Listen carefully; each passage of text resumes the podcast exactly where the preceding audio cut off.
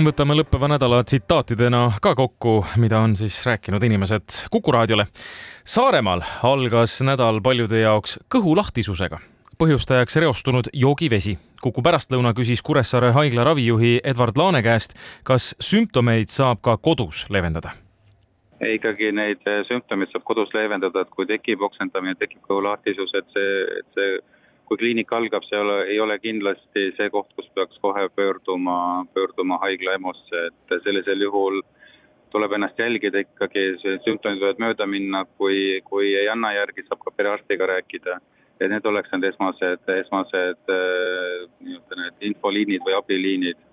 et haigla näitustus, EMO näitustus on ikkagi siis, kui me peame tõeliselt tegema tilkinfusiooni teisipäeval tähistati Euroopa päeva. Kuku pärastlõuna küsis Euroopa päeva kontserdi esinejalt Stefanilt, kas ta seda päeva ka kuidagi tähistab.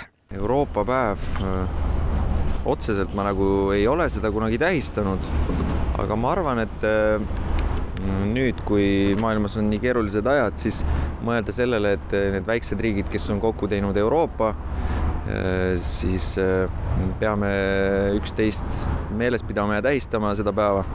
võib-olla see siis äkki loob sellele midagi, midagi. Samal ajal, kui paljud inimesed kuulasid Tallinnas Vabaduse väljakul Euroopa päevale pühendatud kontserti, kogunesid osad narvalased jälgima, mis toimub Jaanilinnas. kohapealt andis ülevaate Kreenholmi juht Jaanus Mikk.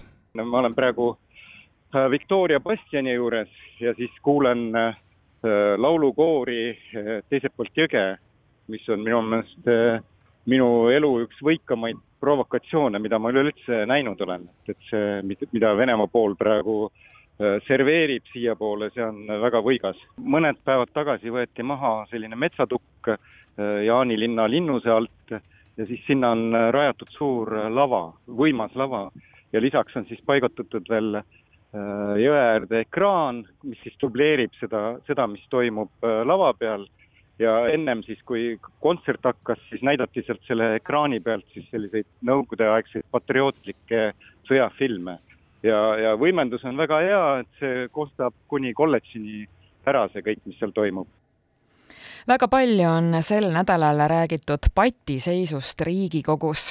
Kuku pärastlõuna küsis Põhiseaduse Assamblee liikmelt Liia Hännilt, kas Riigikogu liikmed peaksid saama palka praeguse nii-öelda töö eest no selge, et ainult palgaga neid distsiplineerida ei saa, sest palgakorralduse muutmiseks tuleks nad kõigepealt tööle panna. ma arvan siiski, et me peame praegu võtma seda seda olukorda ikkagi nii, et, et see nõuab poliitilist lahendust. ma arvan, et ja mina ootaksin ka, et president kutsuks erakondade esimehed enda juurde ja, ja sest riik niisugusel kujul ju päris elada edasi ei saa. Ja, ja kogu see olukord muidugi häirib eh, väga inimesi väga ja väga, ükskõik kellega räägid, inimesed on, on äärmiselt nördinud, aga mis veelgi halvem, inimesed on ka nii-öelda poolt ja vastu, osa leiab, et see olukord ongi hea, eh, tulebki koht kätte näidata praegusele valitsusliidule. Ja teine pool jälle ütleb, et laske nad ometi tööle hakata, et, et siis on näha, mida nad tegelikult eh, tahavad tallinlasi on juba nädalaid nörritanud teetööd, mis on kesklinna ja mujale toonud suured ummikud. Sihik küsis linnapea Mihhail Kõlvartilt, miks on olukord selliseks kujunenud äh, vaadake, äh, ka Põhja-Tallinnas äh, mõned objektid on seotud välisfinantseerimisega. et noh, niimoodi see süsteem toimib, et tuleb see välisfinantseerimise võimalus korraga ja siis seda tuleb võtta või jätta.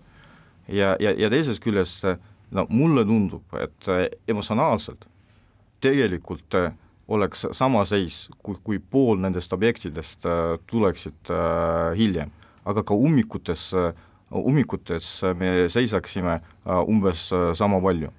ja no tundub olema selline natuke loll olukord, et milleks on vaja korraga kõik need asjad ära teha. aga teisest küljest, et parem teeme praegu pooleteise aasta jooksul, kui venitame sellega kolm-neli aastat ja, ja, ja, ja kogu aeg igapäevaselt nelja aasta jooksul oleme umbes samas seisus erakond Eestimaa Rohelised valis omale hiljuti üheks uueks juhiks Evelin Sepa. ärataja uuris uuelt juhilt muuhulgas, mida ta arvab sellest, et Tallinn kannab rohelise pealinna tiitlit noh, ma nüüd katsun oma sarkasmi kuidagi äh, hoida vaka all, aga, aga noh, selles mõttes ma arvan, et mida iga keskmine inimene kujutab ette äh, rohelise pealinna all, siis, äh, siis Tallinn ei vasta võib-olla peale juhtiva partei logovärvide noh, mitte midagi sellele. et see on ikkagi päris niisugune pentsik olukord ja ikkagi niisugune väga noh, rohepimedus on pigem see, mis Tallinna juhtimist ja asjaajamist nagu iseloomustab